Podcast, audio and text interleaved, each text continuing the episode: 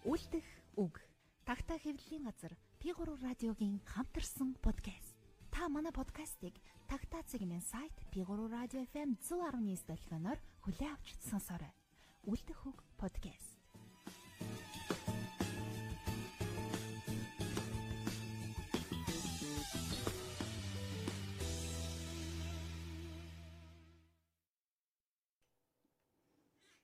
За эрхэмсэн сонсогчдоо энэ өдрийн мэндийг хүргье. Үлдэх үг подкаст маань шин дугаараа эхэлж байна. За өнөөдөр манай зочноор яруу найрагч зохиолч за бүү бүкс хэвлэлийн газар эрхлэгч Батхуугийн Батцаая урагдсан байгаа.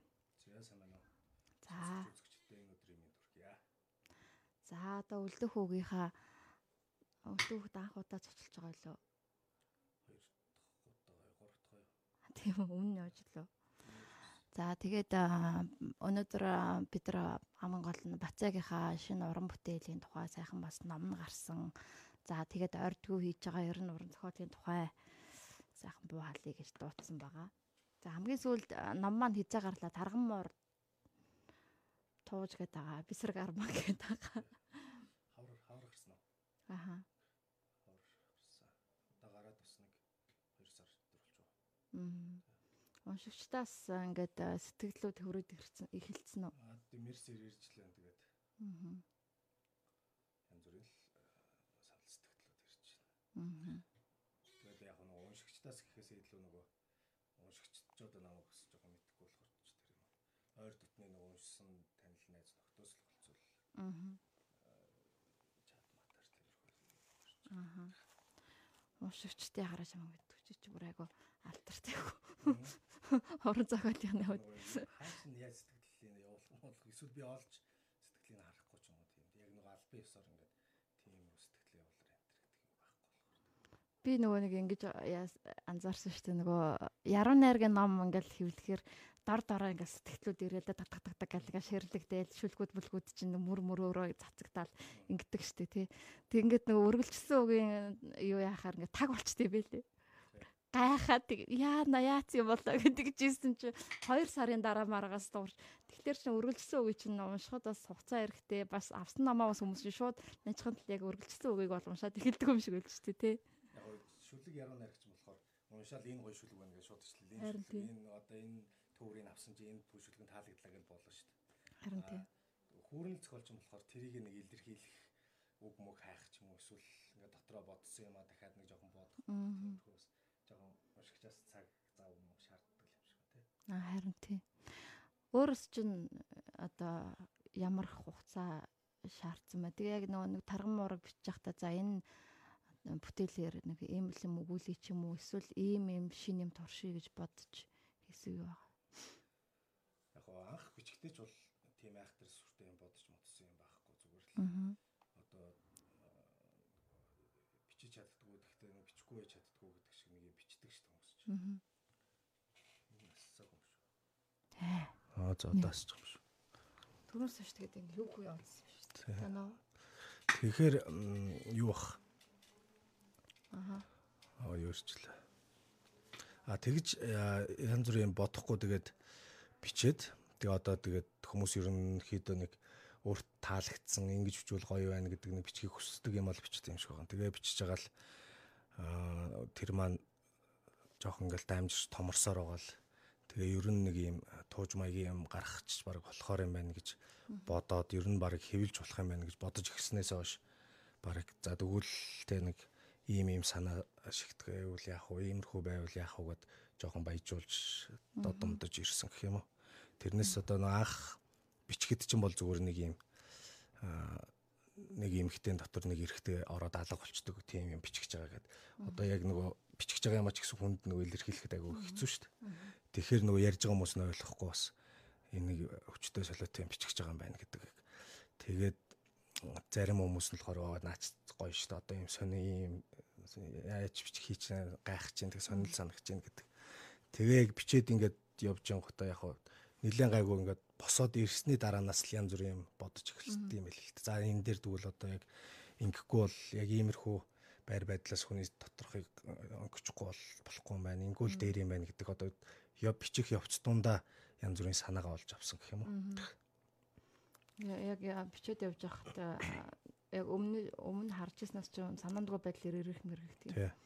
Тэгээ яг миний зүгээр нэг бодсон юм болохоор аа маш олон олон өөр өөр зүйл би одоо нөгөө нэг Памукийн хар судар эдрийг уншихад жишээ нь Стамбул гэдэг хотын тухай ч юм уу бичгтээ эсвэл тэр нэг Рюягийн хүүхэн Галип гэдэг залуу хоёрын тухай бичгтээ ч юм уу.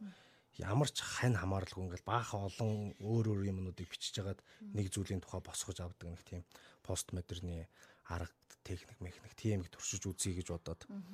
Тэгээд одоо хүний сэтгэл зүйн янз бүрийн хайр сэтгэлтэй холбоотой юм зүйлийн тухай бичгтээ ингээд ямар ч хамаагүй юмнуудыг бичиж байгаа тэрийг гаргаж ирэх тухай ер нь оролдож исэн байхгүй. Тэгэл тэр оролдлогын маань л одоо бий болсон бүтээл нэх юм уу. Хувьдаа бол айгүй экспериментал туршилтууд хийсэн юм байна шүү дээ. Тэгээ уушгад туршилтууд юм тий. Тэгэж яажсан айгүй. Тэгээд юу юу юу яасан гэсэн шүү дээ. Салмаар үртэйгийн нөгөө нэг тедэн бий гэсэн нэг тийм биеийн төлөөний аа юу би яг хаа тэгээ өөрөө ч гэсэн ингээл уншигч байвд юм гэхээр биеийн төлөө ерөөсөө тэ нэгдүгээр би хоёрдугаар би гуравдугаар би гэл ингээд яасан ч юм рүштэгийн нэг юг уншижсэн чинь биеийн төлөөн дээр ингээм амар гоё тоглолтууд хийсэн байсан байхгүй. Тэгээд тэрнээс санаа онгота ер нь яхаараа би одоо ингээд нэг эрэгтэй гол дүрийг өмнөөс нэг эрэгтэй гол дүр нэгдүгээр би бичлээхэд тэр хүний харж байгаа эмхтэн ч юм уу дандаа л хоёрдугаар биенээс хүрнэгддэг те. Тэгсэн чи тэр тэгж хэллээ гэл нэгдүгээр биеийн хүлээж авж байгаа байдлаар а тэгэнгүүтээ яг эмэгтэй тэгвэл яг энэ үед юу гэж бодож исэн гэдгийг бас давхар бичмээр болоод ирсэн байхгүй. Тэгэхээр эмэгтэй нь 2 дугаар биеэсээ буцаа шууд 1 дугаар бие болохоос өөр аргагүй. Тэгэхээр ингэж ийм харьцуулж ингэж бичиж байгаа. Тэгээд бүр яг хэвлэхийнхаа өмнө нөгөө галсаахт уншуулсан чи галсаах чи наатах ингээ хоёр тустай ном байгаа гэсэн байхгүй. Хоёр тустай хэвлээд эрэгтэй нэг ном, эмэгтэй нэг ном хоёр тустай болгож байгаа. Тэгэх юм бол бүр сони юм байна эрэгтэйг унших нь эрэгтэйг нь уншаал болоо. Тэгээд хүн гэдэг чинь сониуч юм чинь эмэгтэйг нь ч гэсэн бас авч уншвал энэ эмэгтэй нь юу нэг юу гэж бодож исэн гэдэг нь тэ. Тэгээд бодож байгаад юу н хоёр талаас нь сүлжээд уншдгаар гарах чи гэж бодоод. Тэгээд нэг юм баяра хин хоёр чүлээ элбэг хоёрчлоо нэг анх хоёр талаас нь уншдаг ном ном энэ нэг гумпа хин хоёр ч гэсэн артга хоёр ч гэсэн нэг тийм пи уух зур мургал тийм номнууд мэрцэр гарч ирсэн шүү дээ. Тэгээд ер нь яг хоёр тусдаа ном гаргахаар юм богино хүмүүгдэх юм гэжсэнээс нэг ном нь хоёр талаас уншигддаг байл зүгээр юм байна гэж бодсон юм. Тэгээ өөр яаж л яаж уншиж болно гэдээ бас тэгээд шүү дээ. Нэг юу шиг Картасрын зохиолууд шиг. Тий. Тэгээд тэрийгээ болохоор яг зохиомжлохдоо би ч бас эхлээд болохоор зүгээр нөгөө бүлэг бүлгээр нь бичсэн байж байгаа. Сүүлд нь ингээд тэр чинь ингээд хоёр хүний хоёр тийш салгаж таслахгүй юу. Тэгж таслангууд шууд нэг юм нөгөө бүлэг хооронд юм хүсрэхээр логик зөрчлүүд гарч ирж байгаа. Тэгэхээр нь тэр логик зөрчлийн л арилгасан байхгүй. Тэгээд эрэхтэй нь яг ингээд дан эрэхтэйгийнхаа талаас уншихад эхлээд ойлгомжгүй болно шүү дээ. Тэр чинь нөгөө голд байсан эмхтэйг нь аваа ичгаар. Тэгэнгүүт тэрийг янзлаад дангаар нь уншсан ч ойлгомжтой, нийлүүлээд уншсан ч ойлгомжтой маягаар засаж жоохон янзлаад тэгэнгүүт одоо эмгтэй талаасаа эхэлж байгаа юм чи эмгтэй талаасаа уншаад эмгтэйг нь дуусгачаа дараа нь эрэгтэйг нь уншиж болно. Эрэгтэйгээс уншаад эмгтэйг нь уншиж болно. Эрэгтэйгээс нь уншиж явсаар байгаад бүр залгуулад эмгтэйг нь араас нь ингээд ухраагаад янз бүрээр л уншиж болох юм байна гэл тэгж ил. Тэгээд яг яг тэр чинь хөвлөгдөх гээд ингэж өөрөө оролж байгаа улам л тэгээд сонь сонь юмнууд гарч ирэл тэгээд тийм болгоод байгаа. Тэгээд яг дундаас нь салгачаар бол логик нь агуу зөрчилдөлтэй юм бэл. Тэгэхээр нь тэрийг яг нийлүүлэх гэж бас нэлээ нэг хоёр сар суусан байхгүй тэр тэр чинь. Яг ингээд шууд ингээд бичээд явчих дараа нь тэрийг ингээд хэлбэрийн хувьд ч юм уу эсвэл агуулганы харуул бүх юмд ингээд засаа суух хоёр аль нь илүү хэцүү. Ер нь бол яг хоо бие болохоор эхлээ шууд биччихтээ ер нь өөрийгөө анзаараад хахаар биччихээд бичсэн юмад айгүйх гэж оролдож өнгөчч засч ивдэж буцааж нийлүүлж ингэдэг юм байлээ. Ер нь яг зүгээр өөрт анханасаа сурахдаа өөрт хялбар амраар явъя гэвэл мэдээж хэрэг шууд бичээл бичээл яваал тэрэндээ буцаж гар хөрөхгүй явал яаж ч уцаа хурдан шүү дээ. Тэгээ би чинь болохоор тэгж сурааг болохоор тэгэл битсэн юм а дахин дахин хараал тэгэл одоо энэ нэг ном чинь баг 10 20 удаа л баг дахиж гинэс нь баг давхарлж битсээр хул тэгж байгаа. Аа. Гэтэ шүлэгтэй бол тэгдэг үст. Шүлэгтэй бол гайгүй. Ер нь баг тэхгүй тий. Аа. одоо хөрнөл зохиолын маань анхны бүтээл шүү дээ тий. Яруу найр өвчгөөс хөрнөл ямар байна? Аа тэгээд э, их гоё амттай. Тэгээд амттай тусмаа их хэцүү. Хадармаатай. Аа их өөрийгөө голох одоо нөгөө яг болохгүй тийм юунууд нь их гарч ирнэ. Тэгээд тийм болохоор бас яг нөгөө нухаа суухад амттай тийм тэрнээс их маш л хэцүү санагдаж байгаа шүү дээ. Каф кафен илүү гоё. Кафен илүү гоё. Аа шүлэг нь бол бичгэд илүү амархан. Кафен ч гэсэн их тийм хурдан ингээл тийм нэг огшол нэг нулимс цэлгэнэл нэг эсвэл инээ төрөл тачигнал хөхрөл дуустдаг бол хөрнөл зохиолч мол тэгээд мартагдахгүй ингээл толгойд яваад шүү дээ. Аа. Дотор боловсрол яваад байна тий. Шүлэг бол огт агшны өмнө байгаагүй санааг гинт харж орж бичгийг шүлэг бол ерөөсөө тэгэл цангаж байгаа хүн орж ирэл нэг хүүтэн харцаад залгиж байгаа юм шиг пэд гэл тэгэл. А юу ч юм болохоор яг нэг сайхан тавьж сууж байгаа л нэг шилэм задлал ууж байгаа шиг тэгэл. Зарим тэгэл хон жинжин сууж байгаа шиг л тийм. Ол урт цаг хугацаа зарцуулж байгаа яриач хөөрөлтэй. Тэгсэн юм ганцхан өөртөө ярихгүй шүү дээ зөндөө олон хүнтэй. Тий шүлэг бол өөртөө ярих хуурал зохиол бол хүмүүстэй ярилцах юм шиг нэр шиг тий. Өөрөөсөө бусад дөрөвд гаргаад ирчихэж байгаа юм тий. Өөр чи нөгөө нэг дүрдээ хэр өөр өөргөө хэдэн өш ингэж өгсөн өөрийгөө мэдхгүй одоо тэгээд ер нь бол яг миний нэг боддог юм болохоор юу гэхээр хүн бол нэг мэдхгүй юм а бичнэ гэхээр айгүй хэцүү. Тэгээд мэддэг юм бол маш сайн. Бичих ёстой юм шиг санагдаад байдیں۔ Тэгэхээр а одоо нэг энэ амьдралд чинь өөрөө би заавал өөрөө туулсан байх шаардлагагүйгээр бас мэддэг юмнууд дээ. Хүний хүнээс хараад ч юм уу ингэдэг тэр дэгдэг тэр хоёр нэг тэгжүүлээ тэр гэсэн. Тэгээ яг мэдсэн тийм зүйл. За тэгээд хүмүүнтэй ярилцаа тэр хүнд ямар санагдсан тэр зүйл. Тэгээд эсвэл зарим нь тэгэл шууд өөрөө зохион шүү дээ. Тэрийг одоо юу гэдэг улам тийм хэцүү хоржоотой болохын тулд тэр гэл. Тэгтээ бол шууд ингээд огт байхгүй юмнаас шууд зохиосноос илүү өөрт амьдрал тохиолдсон мэддэг юм бол биччихвэл илүү амар цаг хугацаа алдахгүй тэрийг тэгэл судлаад бодож олох гэдэг шаардлагагүй. Юу нөгөө нэг хүний нөгөө нэг сэтгэл санааны туршлага гэдэг чинь заавал туулж хуримтлагддаг туршлага биш юм шиг байгаа юм л та. Яг ингээд одоо ингээд зохиол мөхөл бичиж хат. За энэ хоёр хүн ийм нөхцөл байдал одоо орвол сэтгэл санааны юм болно дэ гэсэн ямиг болвол хүн өөрөө зөнгөөрөө л чинь мэдж байгаа учраас тий. Тэрийг тэгээ зохиох гэж хэлэх нь хаашаа юм. Яг бол өөрөө мэдж байгаа л. Тэгээд э, одоо э, энэ 40 хэдэн жил байхад чинь ямар ямар хүмүүстэй харилцаж үзсэн байх вэ тий. Тэгэхээр тэр харилцаанаас бас туршлагаасаа гаргаж ирж бичсэн шүү дээ. Аа.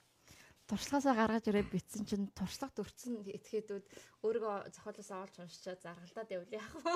Тэгээд Карл нөгөө нэг тэгээд хамаагүй тэгээд нэг Нарогийн зохиолч тийм юм тохиолдоод байгаа шүү дээ. Би энийг ч өөрөө зохиосон юм л гэж шүү дээ. Чи мөн би байна гэдгээ батлаад байл.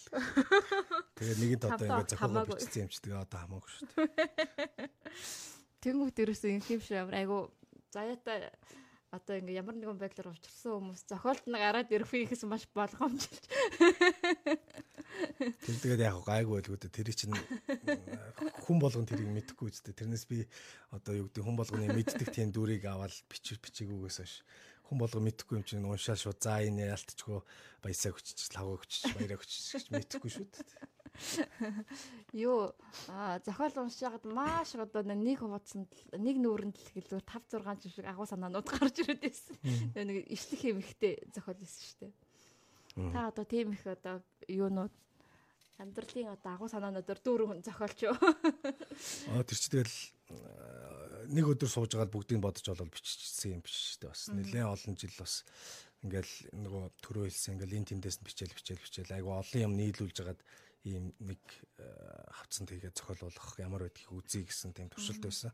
Тэгэхээр олон янзын утга санаа, олон янзын хүний э, одоо нөгөө бодол ч юм уу те мэдрэмж ч юм уу аль болох олон янзын ямиг багтах тусмаа э, миний нөгөө нэг туршилт гоё болох гэдсэн болохоор тэгэл бүхэл бодож яажсэн юм аа шахсан гэх юм уу нэг тиймэрхүү.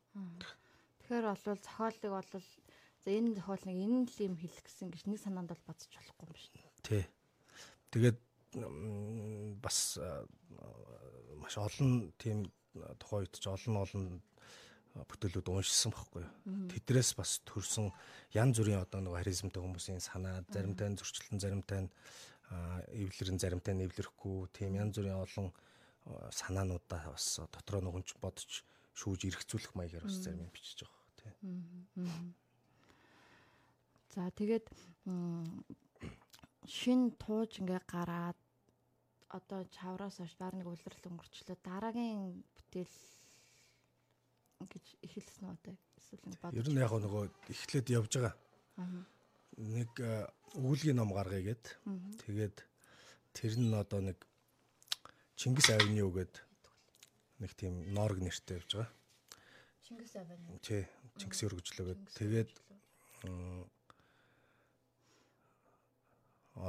тэр од- одоогийн байдлаар хэд хэдэн өгүүлбүүд нь одоо нөгөө намаг хомоол санахгүй байна ихтэй сайхан байна. 6 дугаар араа бяцхан ли бяцхан ли хайраа олсон молсон гэдэг ингээд янз бүрийн өгүүлбүүд тэгээ янз бүрийн юмнууд зэрэг эхэлцдэг байхгүй биш. Тэгээд зарим нь одоо баг жилийн өмнө эхэлсэн ч өгүүлэг байна. Зарим нь тэгээд сарын өмнө ч эхэлсэн өгүүлэг байна.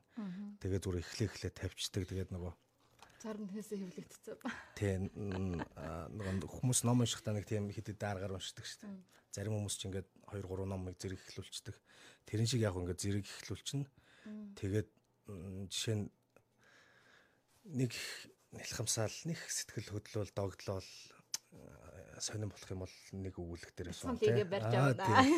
Аа, нэг их а, юу гэдэг ингээл айхтар уус төржөөл те их уур хүрх юм бол Санахгүй байна. тий өөр өгүүлгээд лигээ барьж авах ч гэдэг юм. Эсвэл гэр бүлийн нэг айхтар тийм асуудал зөрчил те маргаан иймэрхүү юм гарч ирээд хуучин нэг шарах сэдрээд ч юм уу ер нь ингэж исэн шүү дээ намайг одоо муудаг гинт тийм бодол төрөх юм бол 6 дугаар араага барьж авах юм. Нэг тийм хүн чинь нөгөө нэг янз бүрийн төлөв байдалд орох ороход яг одоо чинь таван төлөв байдлын өгүүлэлэг ингээ эхэлсэн сууж байгаа ч юм уу. Тэгэхээр нэг бодлын тэр нь гоёж айтайхан юм шиг нэг бодлын болохоор тэгэл бичээд байгаа ч юм шиг бичгүй байгаа ч юм шиг заримдаа нэгэн дээр нэг мөр нүүр явна заримдаа нөгөө дүүл нь тэгэл бичихгүй хэдэн сар мар хаягдчихна тэгээд тийм. Тэгээ яг уул нь болох бол тэгээ энэ энэ ондоо багтаагаад нэг өвөл мөвлөөс өмнө тийм нэг өгүүлгийн ном боо гэж боддог байхгүй. Аа тэр бол айгу хүлээ хүлээлттэй ном болох юм. М, Тэгээд чи өгүүлэгч яах юм бичих хугацаа чинь нэг өгүүлэг бичих хугацаа чи амар болох юм биш. Одоо мэдхгүй одоо тэгээд юу яаж чих штэ. Ян зүр штэ одоо өгүүлэх бич хугацаач. Зарим нь тэгэл 7 хоног моногт орохно бичигт чинь зарим нь тэгээд яг за энэ яг боллоо гэл нэг тийм сэтгэл төрдөг ш. Тэр сэтгэл төрсний дараа л боллоо гэхгүй бол тэгээд тэгээ болохгүй л явах тэгэл энэ ондоо амжихгүй л байна тэгэл.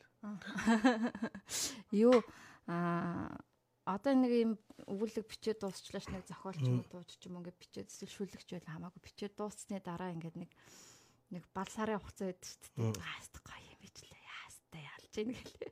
Тэгээд тэр хэр удаа үргэлжлэдэг. Нийлээ байцны дараа унш нэг хэдэн сарын дараа ч юм уу хэдэн 7 хоногийн дараа уншихаар энэ энэ тийм юм шиг тэр нь тийм санагддаг. Тэгээ санагдана. Аа тэгвэл яг аль болох нөө миний хичээдэг юм бол аа альны газар хэвлэлсэн бол тэгээд ингээ гарцсан бол те уншигчдад хүрцэн бол тэгээд шууд хайчдаг байхгүй. Тэгэх гэж айгу хичээнэ. Одоо ингээл нэг сэтгүүл дээр ч юм ингээ гарсан хэвлэгдсэн бол тэгэл ном болоод гарсан л бол тэр тухайга бодохгүй ингээ мартахыг айгу хичээнэ. Тэгтээ тэгж бас чадхаасаа чадахгүй нэг Энэ өмнө тэрийгээ баг одоо нэг залхатлаад дахин дахин ингээл харсан болохоор тийм. Тэгэхээр тэгээд шууд хаяхыг хичээн тэгээд гэхдээ ер нь бол тэгж бас хайж чадахгүй хин юу гэж ийн яаж ийн ийж ийн гээл бас харна шүү дээ. Хим магтж уу хим муулж уу тэр яагаад тэр тэрэнд одоо ингээд номоо өгсөн тэр яагаад юм бичихгүй байна гэдэг чинь яагаад дуурахгүй байна тий. Тэгж харна шүү дээ. Тэгээд а, юугаар а, сайн нэг Истанбулаар яваад ирсэн шүү дээ. Аа тэгсэн. Явж ирэхдээ бүр нэлээд дуулаантай явж ирсэн шүү дээ. Новлийн шагналт зохиолч Орхон Памог энтертэй уулзаад Тий. новлийн шагналтанд уулзах ямар байна. Гоё үлээ. За юу ярив вэ? Юу хөөрөлдөв? Тэгэхээр би яг нөгөө анх уулзахдаа? Тий. Маш гоё инспирэшн аваад л та нэрэ уулзаал ерөөсөө ингээл бөөн гоё юм болох юм баг гэсэн чинь харцсангуу нөгөө хүн чинь нөгөө нэг одоо нөгөө байхгүй юмнууд тий нэг хүнд нөгөө уулзаагүй хүн сонин ягаагүй хүүхэн гоё очоогүй газарт гоё тий тийм байдаг шиг яг ингээ очихоор бас тэгтээ гоё юм бэлээ одоо ингээ бодоод хахаар яг тухайн үед болохоор тэгээд нэг яг тийм айхтар нэг одоо уулзсан шиг тийм гоё сэтгэл хүрээгүүх юм. Аха.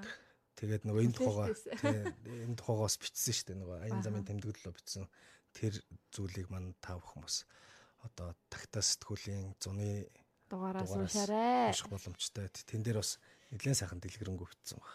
Би болохоор ингэж бодсон шүү дээ. Уулз уулзаал тэгэл ямарчсан 7 юм 10 хоногт ямарчсан заастаа нэр алын эст очоод Монголд очоод шууд бичиж гэлээ. Тэгсэн Тийм юм болсон байх гэж бодсон. Болсон Ерөөсөө ингэж яхад би ингэ яагаад бодохгүй ингэ хажууд нь Тэгээ яг тийм бурхан буугаад ирж хажууд нь суучаар.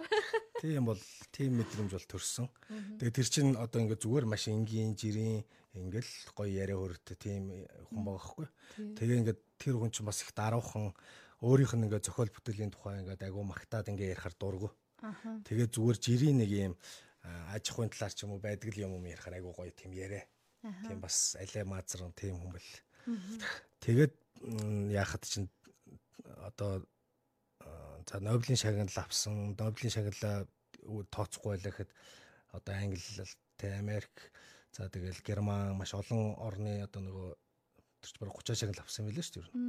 Тэгээ тийм олон шагнал авсан, тийм олон газар ном хэлн орч бүтээл нь орчуулагдсан 64 улсад орчуулагдсан гэж өөрөө ярьчлээ. За ирээд харсан чи 67 молоо юм шиг үл. Тэгээд тийм хүн гэхэд одоо жишээ нь а, тэр гудамжинд нь а, хотод нь хинч танихгүй Стамбул. тий Стамбулд ганц нэг хоёр хүн ингээл тэгээд минь тустай тэгээ байж ах тийм харангуйтай тий бид нар одоо нэг хэвээр өөрсдөө ингээл хэвээр хүн танихгүй байна юм байна юм байна гэдэг энэ хүн гэтэл ямар гоё тий тэр 30 40 олон улсын шагнал магл авчаад тэгээ одоо ингээ дахиад юм бичээ сууж ийн гэдэг одоо 70 гарцсан гэхэд чинь. Яг тиймэрхүү юмнаас хүндгүй шүү дээ. Яг үн тиймэрхүү юмнаас бол их тийм гоё урам зориг аваад тэгээ яг ирээл бичигээ суус л да тэр бол тий. Тэгээд тэгээ суугаад явах та жоохон сууж байгаа босхгүй. жоохон сууж байгаа басгүй. Би бас нөгөө муу бас юу Бээжинд Юхата уулзаад Аа. тэгээд нөгөө нэг муутай уулзчаад би одоо тийм зохиолчдын симпозиумд явлан мавлаг чигээр дагаад нисчмар санагдаад байсан гэд. Тэгэл ирээд бас эрчтэй бас хэсэг суусан баха тэгж яагаад бассан баг та гэж. Би бас яг юунд Германд Ольга Токарчукыг яг Нобель авдаг жилд уулзсан байхгүй юу. Тэгэл бас тэгээд болсон да. Тийм тийм гоё инспирэшн төрд юм бэлээ. Тэгээд хамгийн гол нь яг нуу юм бичиж байгаа залуучуудад хэлэхэд тэр дагууны дадал бичих дадал гэдэг чинь бол асар их чухал зүйл юм билээ. Надад одоо тийм сахилга бат дадал идэр байхгүй болохоор хэрвээ тийм сахилга бат дадалтай хүмүүс одоо жишээ нь амжилтанд хүрсэн хүмүүс бүгд яг тийм сахилга бат дадалтай чи ч гэсэн нэг ярьжсэн шүү дээ. Тэр тэр залуу зохиолч тийм байлаа гэд. Аа памукч гэсэн ерөөс өглөө босоод шууд тэр бус борын ус руугаа сэлт юм билээ мармарын тэнгистээс хилээл. Тэгэл сэлж гарч ирээл. Одоо шууд 70 эдтэй юм шүү Тийм дээ. 70 дон. Тэгээд нэг 20 20-оос 30-аад минут сэлдэг гэж. Тэгээд тэр задгаа усандаа сэлж гарч ирээл тэгэл суугаал ямаа бичдэг. Тэгэл ямаа бичиж байгаа л нэг жоохон зүргүн зүнглээ нойр мөр нөхрөөд би минь одоо хүндэрд юм яа гэм. Тэгэхээр өдөр дахиж сэлээл тэгээд гарч ирээ ямаа бичдэг гэж. Тэгэхээр тэр хүн чинь юм бичхийн тулд одоо өөрийнхөө бүтэн нэг өдрийн талыг шахам зарцуулж шин. Тэгэхэд яг манус тэгээд тийм нөгөө яг бичих үсгтээ бүхний зориулах тийм нөгөө амьдралын зав чөлөөч байхгүй. Тэгэл яг өдөржин гэж явж байгаад бидний бол гаргаж байгаа цахин нэг орой шөнөл сууж байгаа байхгүй. Тэгээ шүн суухаар заримдаа нэг гоё бичмээр болохоор тэгээ цаг наргуу суучна. Заримдаа тэгээд э, одоо нөгөө яаж суусан юм орж ирэхгүй байх үе тэгээ заацсан ингээд. Тэгээд бид нар заримдаа гэж ярьж байна. Тэтгэр ч мал өдөр өөр. Өдөр бол яг тийм өдөр гэж бол яг тогтсон. Хагасаа бүтэнсээ бүх.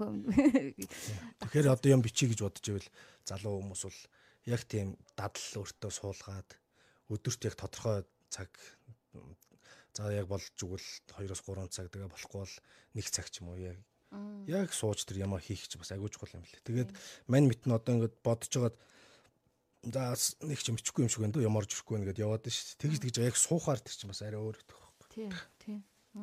Харин. Нөгөө Камугийн үг гэдэг штэ. Ер нь уран зохиол гэдэг чинь уран зохиол биш ер нь бүтээл төрөл гэдэг чинь зөв сахилга баталж юм. Тийм шиг л. Сахилга бат байсан. Бас нөө сүүл би Би бас одоо тэгтээ сахилга бат ганц сахилга бат бишээ гэдгийг нь одоо өөрийнхөө амьдралаар харуулахыг хичээж хичээгээд явж байгаа юм шиг юм байна. уран бүтээл бол сахилга батаар хийж. Ганц сахилга батаар ч хийх юм биш. Биш Сахилга дээ. батгүйч бас хийж болно гэдгийг энэ биеэрээ нотлон харуулж яваадаас Харуулхад хичээж одоо хичээж карьер байгаа баярлж байгаа. Зорилт нь тэр байгаа тий. Нөгөө сүүлд бас Муракамигийн нэг номыг уншиж ирсэн чинь зохиолчийн хөтөлмөрийн тухай байхгүй. Аа нэг аятайхан ном биччихийг бол хэн бүхний хийж чаддаг зүйл тэр бол гайхаад байгаа юм байхгүй.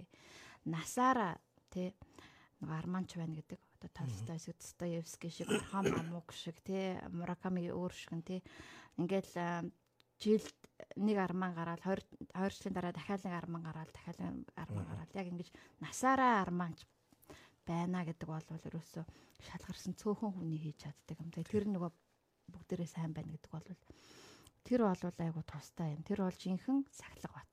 Тэр бол жинхэнэ дэг журам. Тийм тэгээд бас жинхэнэ авиасан байгаа хүн Тийм, бас тэгж тийм, шүү дээ.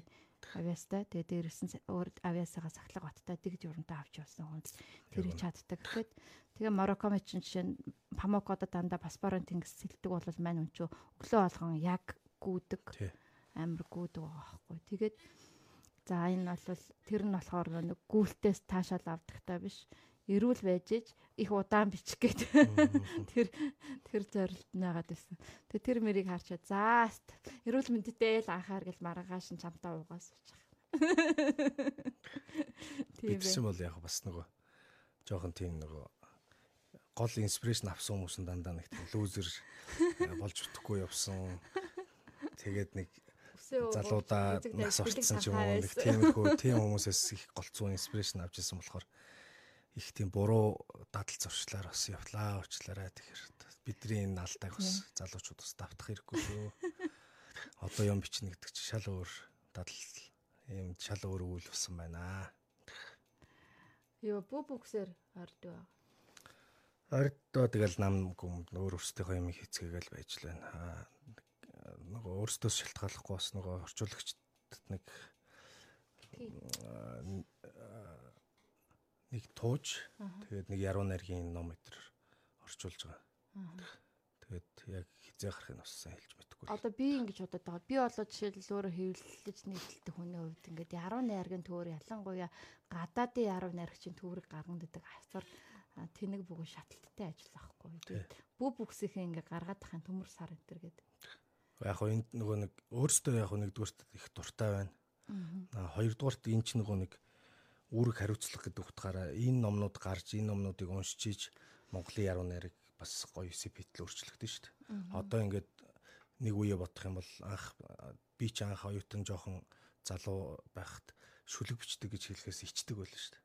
Шүлэг бичдэг хүн гэдэг бол тийм сонио юм галзуу тэгээд архитаар суудаг өстө ус мөсөө ургуулдаг юм нэг эрүүл ухаантай мэдгэдэхгүй нэг юм хийс хийсээ явж идэг хүмүүсийн л ажил гэдэг ээж аав мавч гэсэн юу балаарай шүүн шүлэг мүлэг гэдэг загнах бах. Ер нь найз нөхдөөс нуудаг тийм байсан бол одоо эн чин э, гоё тэр шүлэг бичиж өөрийнхөө мэдрэмжийг илэрхийлнэ гэдэг зүйл чинь илтс сэргээд маш олон залуучууд шүлэг бичиж байна шүлгийн номоо гаргаж байна тэгээ инхээр тэр чи харахаар бас болж ийн болохгүй бай тэгэнгүүт өөрсдөө дуртай хүмүүс чинь нөгөө бас нөгөө залуучуудаа уншихтай за ингэ энд хятад одоо чинь үнэхээр тэр зовлон үтсэн ажиллаж анги ингэж бичиж байна эдгээр өөр хүн ингэж бичиж байна гэдэг нэг тийм санаа аваасаа гэдэг үднэс тийм ард тийм тэрнээс биш. гүнээс бичгээрээ. тэрнээс биш. Бид нар ч гэсэн өөрсдөө тийм бас уншихаар гоё санагдал гоё санагдсан юмнуудаа л хилээл ярилцж байгаа л орчуулаад тэгэл ингээл гаргаж байгаа байхгүй. Тэрнээс биш чиний хэлдэг үнэ гадаадын а, дотоодын ерөөсөө аль ч яруу найргийн ном ерөөсөө их зарагдана гэж байхгүй шүү дээ. Тэгэл тэр чи яг тодорхой хэмжээнд яг унших яг тэр нэг тодорхой хэмжээний хүрээндээ Монгол улс одоо нэг нэг сая ном уншдаг хүнтэй байлаа гэж бодоход яг тэрийг уншдаг худалдаа авдаг хүн хэрэг 2-оос 3 мянга л байхгүй. Яг нэг тийм яруу найраг уран зохиолт мөнгөө зарцуулж цаг заваа зарцуулж уншдаг тийм уншигч гэх юм бол тий. Би ч гэсэн одоо жишээлбэл зөндөө олон Филип Фларк ч юм уу янз бүрийн гоё яруу найрагчийн төврийг гаргахаас ингээ боддог мөртлөө тэгээд яг практик дээр амар тийм хэцүү санагдаад байдаг байхгүй. Ашиггүй зүйл санагдаад байдаг байхгүй. Аа тэгээд бүү бүксийн гарсан номнууд нь бүгдээрээ аа нэг яг түрүүний логиктой бас уялдахаараа бас одоо жишээлбэл хаарамсыг хөвлөнө гэдэг чинь бас л галзуу хүмүүсийн сонголттой. Тий. Гэхдээ нөгөө нэг яг одоо миний бодлоор нөгөө нэг манай үргэлжлүүлгийн бичлэгийн төрөл чинь нэг нэг уламжлалтай. Тэгэл яг тэрнээс тэр хайрцагнасаа гарч чадахгүй зөвхөн л тэр уламжлалаа бариад яваад байгаа юм санагдаж байгаа байхгүй юу. Гэхдээ тэр уламжлал байх нь бол маш зөв. А тэгвэл тэр уламжлалаар бичиж чадах хүн л бичнүүхээс бүгд тэрүүгээр оролдоод хэрэггүй байхгүй. Тэгэхээр энд чинь хөрнөл зохиолч тэр яруу найрагч тэр маш чөлөөтэй ингээ бичиж болох юм олон янзын урсгал чиглэл байгаа байхгүй. Тэрийг нь оруул оруулаад тэрийг мэдэх юм бол яг тэрүүгээр хүн өөрийнхөө нэг бичих одоо юу гэдэг явах тэр зам өрөө олчих юм бол уран зохиол шиг амарх юм байхгүй шүү дээ. А чадахгүй мөртлөө ингээл яг словар тавиал те Монголын эртний тэр гой гой мартах зүгнүүдийг хайгаал айх тэр гой дээд үгнүүдийг олж тавих гал ингээл зовоол зүтэл ингээд ахын оронд өөрийнхөө мэддэг муухай хар ярианы хэлээр амар байгаль байгаль зурлаж бичих гээл те. Тэгэхээр чи чаддаг юмараа хар ярианы хэл хараал мэддэг бол тэрүүгээрээ ч уран зохиолыг хийж болд юмаа гэдгийг харуулсан хүмүүс байж та. Тэгэхээр тэд тэдрийг л зүрх одоо бас танилцуулах маягаар тэгээ ерөнхийдөө нэг гэсэндөө яг нь одоо бүү бүксгээд олон орчуулагч нар тэгээд баяраа бид хэд ингээ хамтраад юм хийхдээ яг нь ганц юм нь тэр нөгөө анх тэр нэг 10 ширхэг цагаан ном гаргая л гэж ярьсан байхгүй. Одоо аюурах 10 хар ном гаргаад нэг одоо 10 жилийн залуучууд унших юмтай оюун сэтгэлгээний хувьд ингээд тэр хүн байхгүйсэн бол юу ч унших байсан тэгээд ингэсэн шиг хоёлоо бас нэг юм нөгөө 10 цагаан нэг тий 10 цагаан ном гаргая. Тэгээд тэр нь бас нөгөө залуучуудад бас өөр юм гэсэн өөр өгөөж өгөөд за битээр бас нэг амьд байх хугацаанд нэг ийм хийц хүмүүс шүүгээ сүлд нь бас нэг хэлэх хөхтэй сууж идэм үү гэж бодохгүй. Тэгээд энэ энэ бодолтой нөгөө бас санал нийлсэн гэдэг хүмүүс олон хүмүүс одоо манай лавга мууга нийлээд тэр ажиллуулгаа тэгээд ерөнхийдөө нэг тийм субодник үүрэг хариуцлах маягийн ажил яваад байгаа байхгүй. Тэг яг тэрнээс биш хэтэрсэн юм шүү дээ. Одоо тэгтрэг хөтрөг. Тэрнээс биш яг нөгөө ном зараад ашиг олно гэдэг чинь өөрөө мэдчихэж шүү дээ. Айгүй хэцүү шүү дээ. Одоо нэг номоо баг 40 мянгаас дээш нэг 50 60 мянгаар л зарахгүй бол тийм хүн цалинжих овооч цус ашиг олоход хэцүү шүү дээ. Тэгэхээр одоо гарч байгаа номнуудын үн мөн ч бол зүгээр баг зардлаа нөхөл хэвлэлийнхаа зардал нөхөл хүмүүсээ цалинжуулахгүй нөгөөдөл нь субодник хийгээл таарж байгаа. Тэгээд зарим нэг л тэнд хураалгатай байхаа л ажил шүү дээ. Сайн санааны ажил واخгүй. Харин тийм. Ер нь бол тийм болчиход байгаа. Яг нөгөө нэг юуг нь хэвлэхгүй болвол бестселлер мэлэрт барггүй ордог мордог нийтийн уран зохиолын хэвлэхгүй бол ер нь бол сайн санааны ажил болж. Тэгээд нийтийн уран зохиол хэвлэлээ ч гэсэн манад чи ер нь уншигчд айгүй хэцүү байхгүй. Айгүй сайн зарагдаж байгаа ном нь хэд вүлээ.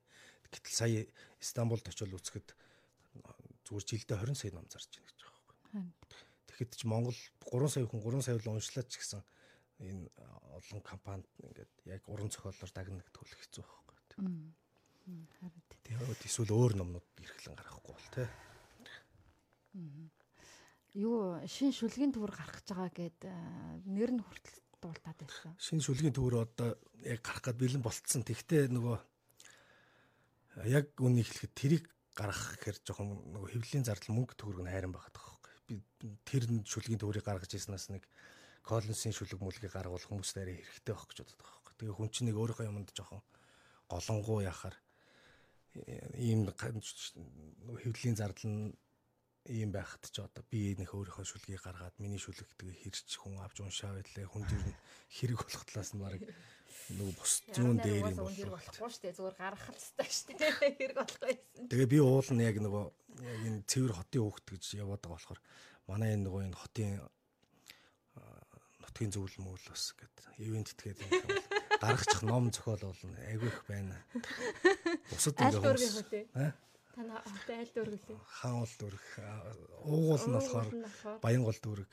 Баянгол дүүргийн нутгийн зөвлөл энийг хүүгээ Аваачдаг. Үгүй бас ерөөсө тоохгүй маа манай нутгийнх ч. Тэгээ би юу яасан сая бас нэг хоёр ч аймагт бас нөгөө иргэншлийн өгсөлтөө өгсөн байна. Тэгээд тийм байвал бас тэр аймаг аймаг өчөж аваачдаг. Аймагийнхан ч айгуу тийм мундаг байхгүй тий. Яг тэр юуг нь юу яагаад вэ? Манай аймаг бол намайг бас авсан юм аа. Дэмжиж ивент итгээд байдаг шүү. Хувь уран бүтээлчлээс нэг ивент итгэж юм гаргаад байдаг шүү. Тийм үү. Манай аймаг бас огноо аваачдаг. Надраа уцтаа да харин ийм ийм үйл ажиллагаа ивент итгэх үү гэдэг шүү. За тэгээд үгүй хамгийн гол нь тэр нөгөө шүлгийн төвөр тэр чинь бас би ингэж боддог байхгүй шүлгийн төврүүд чинь бас нэг яг ингээд өөр өөр ингэсэн онцлогтой өөр тухайн хүний өөрийнх нь амьдралын нэг нэг мөчлөгт ч юм уу те нэг нэг сэтгэл санааны нэг юм байлвалц тэр нэг дээр нэг бүлэг шүлэг болж гараад тэр нь болохоор ингээд цогцороо нэг уур амьсгалтай төөр болж гараад байдаг гэж ойлгохтой даа ш. Тэгээд бусад төөрөөс яг ямар ялгаатай төөр гарах гэж байна. Тэгээ яагаад Билли Коллинсийн шүлгээс ач холбогдлоор өггүй гэж чинь. Яг би нөгөө нэг юу ихэлсэн бохоггүй. Энэ эхлээд би ч баяртайгуу нэг минь гэдэг ном гаргаад. За тэгээд дараа нь догдлууд гэдэг ном гаргаад. Дараа нь энэ лонгонд байсан шүлгүүд гэдэг ном гарахтаа жоох юм нэг хотын уур амьсгалтай шүлэг шүлгүүд бичиж гэдэг нэг тийм юм ихлүүлсэн байхгүй. Тэгээд тэр маань жоохон дутуу санагдаад тэгээд хотын тухай илэрхийлэхийн тулд одоо яруу найраг нь арай өөр нөгөө нэг бичлэгийн төрөл зүйлийг яруу найргийн арай өөр урсгалыг ашиглахгүй болохоор одоо нөгөө манай хот нь арай юм хүнд дарк те арай хэцүү болчиход идэг. Шүлгэн хотынхоо хот шиг тийм дарк тийм тийм ёс бус болж чадахгүй байгаа байхгүй. Аа тэгэхээр яг хоттойгоо ижил төвшөнд бичих бичих гэдэг. Ерөнхийдөө энэ нөгөө хотын шүлэг гэж нэг яасан юм а дуусхыг гэж бодоод тэгээд логонд байсан шүлгүүд гэдэг номын үргэлжлэл маягийн нэг тийм сэтгцийн асуудлууд гэдэг. Бас жоохон одоо миний хувьд бол жоохон миний одоо нөгөө карьерийг харлуулах нэг тийм үл бүтгэл ном багхгүй. Тэгээ тэрнээс биш бол тийм айхтар өөрчлөгдсөн тийм шин төвшний тийм юу болохоор тийм ном биш. Тэгээ би бас бодоод бүр тэр хэвлэлийн юу тэр зардал литер дээр голоо цохоод яг болохгүй бол баг тэр нөгөө сонсох маягаар те тэр чин гайгүй ашиглаж те эсвэл нэг электрон ном ном бай маягаар арь болох нэг өөртөө нэг тийм ачаагүйгээр гарах тийм билүү л гэж бодож байгаа. Тэгээд тэрийг яг хүмүүс авч уншсан ч гэсэн хямдхан тэгэл сонирхсан ганц нэг хүн их олон идэх юм ч үгүйс. Тэгж асуух яг гоё санаа байна те. Яруу найргийн төөр яагаад сонсдог хэлбэр. Тийм сонсдог юм уу эсвэл нөгөө элэх цахим ном мөн болгочдөг шүү дээ. Тэгээ уншдаг тиймэрхүү бас болох юм шиг л. Аа.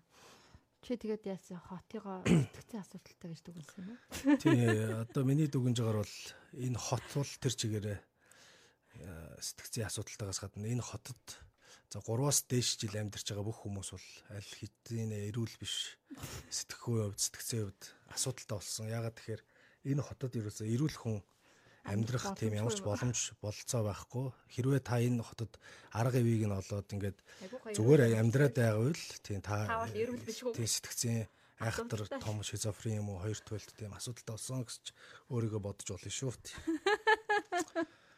Одоо ингээд бид нар хүртэл одоо ингээд ямар их эрүүл бус болсон байгаагаа өөрөөсөө ингээд хардаг байхгүй бас. Жишээ. Одоо ер нь л энэ зураг тасаа, сошиал орчин бүгд л хаанаас чарж болно бид нэр үнэхээр галзуурсан. Одоо би чамд нэг юм хэлээ. Одоо жишээ нь өөр хаанчин за нэг э, Норвег ч юм уу Дан ч юм уу те нэг гоё юм амар тайван амгалан газар амьдарч байсан хүн тэнд нэг э, харьцангуй удаан амьдарч байгаад Монгол дээрээ Улаанбаатарт амьдрыг үлч чадахгүй шүү. Яг гэвэл тэр сэтгцийн асуудал, тэр бухимдал, стресс зүгээр л энэ нийгэмд э, хоёр хүний хооронд ингээд зүгээр нийгэмд харьцсан шүү дээ. Хүн чинь гараад автобусанд суухад жолоочтой харьцсан, таксинд суухад за тэгээд үйлчлэгээний газар ороход худалдагч те ямар л ийм эрүүл хот гэхээр л зүгээр юм зараал зогсож явах чинь хүн гутаг гаргаж ирэл дөрч шүү гэд ингээд тэр ч байж болохгүй шүү дээ. Тийм хот. Тийм хотод амьдарч байна амар хэцүү. Тэгээд э, шүлгүүдийн химнэл бол тэгээд үүнийг дагаад тэг ер нь жоохон сэтгцэн маш тийм асуудалтай хүний л ойлгохоор юм чинь хэцүү. Сэтгэлийн асуулттай хүмүүсийг хоорондоо шүлгэрч болоо ойлголцоод болоод байх юм биш үү? Тэгэхээр хамгийн гол нь тэр хүмүүст чинь нөгөө тэгж ойлгуулахгүй бол одоо ийм амир стресс бухимдал дундтай айгуу гоё тайван юм энэ ямыг урлагаас авч ийн гэдэг хүмүүс яваад байдаг байхгүй. Тэгээд энд янз бүрийн хараал ерөөл хэлж хүмүүстэй хэрэлдэж муудалцсан гутаа оройн очиод гоё дөөр үзээд те бүжгэн жижиг үзээд гоё тайвширчаад байдаг байхгүй хүмүүс чинь. Тэг урлаг нь тэг тийм бас тэгж эрхлүүлж болохгүй байхгүй тийм шүү. Урлаг нь яг өөдөөс нь ямар нэг тэрэн шиг адилхан нулимж явах хэрэгтэй. Миний л бодол шүү. Юу а энэ зүгээр манай хотын асуудал шүү. Монголчуудын нийтлэг асуудал болсон шүү. Яг бол зүгээр ингээд гадаадад амьдарч олон жил чиний хэлсэн шиг юм тайван газар амьдарч байгаа Монгол хүмүүсээс ч гэсэн нөгөө наашаага бидэнтэйгээ харьцах реакцлах юу одоо энэ нөгөө нэг Монгол сошиал ортонд өөрийгөө илэрхийлэхдээ хүртэл тийм одоо төрөний хэлснээр сэтгцэн асуудалтай юм шиг тийм одоо юм өнгө айс илэрдэг шүү дээ. Эсвэл бүр 50 хөдөөнөөс ч гэсэн ингээл лайв маяг хийж орж ирэхтэй бас л. Гэтэ яг манайхан ч нөгөө айхтар тийм нөгөө тэмцэгч тийм цуссанд нь байх шиг байгаа юм л да. Айх тэмцэгч ард юм болохоор жишээ нь би бол өөр газар тийм 50 газар очихоор байж чадахгүй байхгүй. Ийм нэг алмай 50 ийм газар. Тэгэхээр яалтчгүй ингээ хотоо бүр санаад байдаг байхгүй. Яг ирээл юу гэдэг нэг хүн өөш гэл тэгэхэд аа их гоё байх хэвээр газар байх. Швейцарын нөгөө Цюрихт нэг юу байдаг аахгүй юу? лорны орчуулгын төв гээд тэгээ ууланд айгуугаар тэгээ нэг шилэн юм ордон тэгээ тэнд нь болохоор жил болгоо ингээд дэлхийн энэ тэндээс орчуулагчид авчирч тэгээд тэнд нь үнэхүү байж орчуулга морчуулга хийдэг тийм резиденс програм багхгүй. Тэгээ тэр бол амар амгалан тайван. Тэгээл одоо ингээд өдөртөн цөөрөх рүү уулнаас бууж дугаагаар бууж яваач ашиглаад тэгэл буцаж ирээл тэгээд гоо шилэн байшин дотор орчуулга ягээл амар намж шууж иргээл тэгсэн чинь Бразилийн нэг орчуулагч тэр 20 жилийн түүхэнд нэг л удаа резиденсээ дуусгаагүй нэг үе буцсан гэсэн. Бразилийн нэг орчуулагч ирээд 3 онснаа би буцлаа явлаа гэсэн. Яасан гэсэн чинь энэ амир дуу чимээгүй анир гүм энэ байдал энэ 50 байдал ч намайг алж байна гэдэг. Яваад Бразилч бас тийм шүү дээ. Ер нь тамаас шууд явааж энэ очиж болохгүй шүү дээ. Тэгэхээр тамийн хүн бол тамдаал юм а бичихгүй л. Тамийн хүн тамдаа жаргалтай. А тэр утгаараа одоо ингээд нэгэд гаднаас харах гадаад гадагшаа авчиад ингээ харахад дутгшаа ингээ харгаж гисэн ингээ амар энэ төр амьдрал ингээ буцалж идэж шаргалсны өөр шиг тэр утгаараа одоо ингээд юу юу дотор нь ингээ байгаад яг уран бүтээлч хүн юм хүн бичгээд илүү баялаг сэтгэвтэй болсон Би ч уул нарийн дотор нь байсан. За одоо гарчаад байна. Одоо гарчаад тэгээд бүр ийшээ нөгөө хотоос яармаг руу гарцсан чинь тэгээ тэндээ бүр яг уул нь би чи яг сайхан дотор нь байлаа шүү дээ. Тэгээ хаяа дотор нь орох гээд хаяа бас ирэх юм аа. Нөгөө хотоос ханаад. Тэгтээ яг ер нь хаач яармагтч тэгэл хаал бол хаан тэгэл яг бүгд л хот хэврэл байна л да. Тийм шүү дээ. Чи одоо яармыг хөдөө гэж бодоод байгаа. Гэхдээ нөгөө эхлээд очиход айгуу тийм хүн бахта 50 байсан хэрэг. Хүн хүн байхгүй нэ гэдэг чинь л тэгэл хэрэлдэж муудалцах юм байхгүй нэ гэдэг чинь 50 болоо явчих шүү дээ. Одоо энэ наадам гараад хүмүүс нь хөдөө явчихж байгаа шүү дээ амрах гэдэг. Хотын бараг талн гараа явчихлаа шүү дээ. Тэгэхээр ямар байна? Хот чинь айгуу гой 50 ч юм шиг эрдэнэтэд байгаа ч юм шиг болцсон байх шүү дээ. Тэгэхээр эрдэнэт мэрдэнэт тийм айхтар тийм өрсөлдөө хэрүүл урал байхгүй болохоор бас тийм айхтар язгансан юм бичдэг хүмүүс гарч ирэхгүй байж магадгүй шүү дээ. Тийм тайван орчин учраас. Тэгэхээр энд чи хурж ирж алдсаж энэ дотор нь орж амьдралаараа тоглуулж, доромжлуулж, нулимуулж ич тийм юм бичих сэтэл төрнө шүү дээ чи. Тийм тэгэхгүй бол бас зүгээр нүүж ирнүүдээ. Ярамгаас буцаад. А одоо заяа хідэн биднэрт нэг 23 шүлэг дуудаж өгөөч. За. Тэгээ 18 аргач хүн урсан байна да. Гэхдээ яг тэр чинь нөгөө нэг нүүсэн ч гэсэн тэнд өнгөрөөсөн 20 30 жил нь хайчих үү. Хайчих үү тий. Шүлэг нь хаа юм гэдэг шиг тий. Тэнд өнгөрөөсөн 30 40 жил нь хаа юм бэ тий. За энэ сүлд бичсэн шүлгүүд ш. Сэтгцэн асуудалд орсон шүлгүүд. Сэтгцэн асуудалд орсон шүлгүүд энд бас хамаагүй эфирээр уншуулахгүй хаа. Аа за. Хайхтар нам гарч ирэх юм байна. Энд болохоор юу хайрын тухайгүй хайр бол гэдэг шүлэг ш. За. Хайр бол хөл дээр чинь хин нэгэн санамсаргүй гიშгчгтэй ижил юм. Хайр бол хүнжил дутаад биеийнхээ аль нэг хэсгийг даруулахтай адил юм. Үргэлж өлсөх, үргэлж цангах, чи бүр турж гүцээд үгүйлээд байж ядах, гомдох, үзен ядахч хайр мөн. Хайр бол хагдраад анхлах цэцэг мөн. Хайр бол хармагт сохлох гэрэл мөн Уншиж барахгүй тайлбар толь мөн унтаж ханахгүй нойр зүүдж бас мөн. Хайр яг л солиотой хүн хэсэгхэн тайвшрахтай адил. Хайр яг сох дутаад байсан зүйл олдчихтой л ижил. Хайр бол амтанд нь орсон өвчин мөн. Хайр бол амрангаа өхүүлэгч эм мөн. Хайр бол ангаангаа өхүүлэгч эм мөн. Хамтдаа харж болдоггүй, хамтдаа хайж болдоггүй, хамтдаа ухаарч олдоггүй зүйл л дээ. Хагцах зун ганцаардл хожим хойно хамгийн ихээр төвчээрэгчин сорих тэр зүйл л дээ. Ердийн иймхэн зүйлээс болж ертөнц даяар гунж яваг гайхнуучи. Ерөөлгүй ийм нэг им ийм нэг ирээс болж ертөнц даяараа сохтуурч галзуурч яваад итгэж яднуу. Хайр намайг ширээний ард суулган үүнийг бичүүлж хайр чамаар чийдэн асаалган үүнийг уншуулж байгаа юм. Хайр бол санаашрал, санаашрал гэж бичүүлэх мөртлөө салъя гэж хэлүүлэх ойлгомжгүй зүйл юм. Гойшулг байна. Гоё газ. Гоё өстой гоё байна. За дараагийн шүлэг. За Чи өөлөх юмгүй жирэлзэн одох гэрэлт өдрүүд бол би өчнөө шаналлаа хураан тусах гунигт шөнөөд юм. Чи өдөр болохоор чи өнг өнгөөр гэрэлтээд байгаа болохоор би шөнө байгаа юм. Жирэлзэн одох гэрэлт өдрүүд гунигт шөнөөд жилийг 12 сарыг 30 хуан хүлээс нийцэд чи бид учрах юм. Чи дэвтэрт дөрвөн хадаас зүрхэнд 40 хадаас зоосон гисгэл юм Чи дээгүр цэгэн солонго татуулан өнгөрөх цагаан шувууны зүрх юм. Шүдгүй харанхуйн чин халууныг нүдгүй зохиор би мэдэрч шүргэх төдий хуруудынхаа өндгөөр нүцгэн биеийг чинь харж би чадна. Би шүн болохоор бөхөж унтарч байж чамааг илүү тод харах болохоор чи өдөр байгаа юм. Би салхи болохоор чи сарин нүүж буй үүл болохоор амьдрал богино зуурд хэмээн бодоход зориг асч байна. Амжиж хайрлвал жаргалтай өхөн гих итгэлж төрж байна. Яавал юм 40 наснда ингэж ийм гоё яруу хайрын тухай ингэж бадрангуу бицээр байх вэ? Уул мөрөөл сайн авч үлдэх хэрэгтэй. Дурсамж шар саруу. Дурсамж. За тэгээд дахиад нэг шүлэг уншиж тээ. За энэ болохоор доод хар ярианы үг гэдэг шүлэг. За. Ам хүчийг нь шавхаж хоосолсон өхмөл өгсөөс сонгож ав. Агаар мандалд орчих шидэ алдан сарниж буй аваа ихшгийг нь ахин сэрэх гэд үз.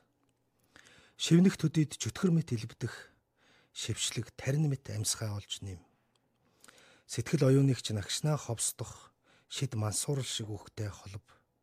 Уйлмаар бол уйлж үз. Тэгээд яг тэр мэдрэмж шигэ тэмцэх чадваргүй унж дорой өгсөөс тайтгаралхай хинт ч өгүүлэгдэлгүй хаягдж мартагдсан өхөмл өгсөн хөрсөнд л цэцгийн үрээ суулга хэлэх гиснээ үнэн сэтгэлээр торд дээд үгсээс зүгдэн ядаж үр санаагаа өлгөгчдөд дээр тэнгэрээс биш шорооноос цэцэг яаж ургадгийг үзүүл. За энэ бол яг манай юу гарах гэж байгаа төвөр юм санаа зангидагдаад энд ороод ирлээ шүү дээ. Дээд дээд үгсээс зүгдэгчдэд доороос шаврнаас цэцэг яаж ургадгийг үзүүлэх төр одоо удахгүй бидний гард гарч ирэх нэ. Тэрийг одоо Билли Коллинсийнхаа өмнө тавиа. За. Яа тэгэхээр хэл яруу найр гэдэг бол нөө хэлний уртлагчтай. Тэгээд ялангуяа монгол хэл дээр гарч байгаа монгол яруу найр гэдэг бол орчуулагч ямар яруу найр гэж чанараар илүүлтэй. Тэр бас тэгэхээр би бас жоохон тэрнээс жоохон айгаад байгаа юм. Тэгэхээр Монгол яруу найраг мариг гэдэг чигээр бас. Монгол хүний яруу найраг Монгол хүний бичсэн Монгол хэлээр бичсэн яруу найраг гэдэг бол Монгол яруу найраг шиг гэж э, хэл халтарсан байж. За тэгээд а, заяа маань одоо хүрэлцэн ирж бидэнд шүлгээ дуудаж өгсөнд ярилцсанд маш их баярлалаа. Тэгээд дараа дараагийнхаа одоо уран бүтээлээр дахин дахин бас үлдэг хөхтэйгээ уулзах хаа. За тэр өрөөлөр шигэ. За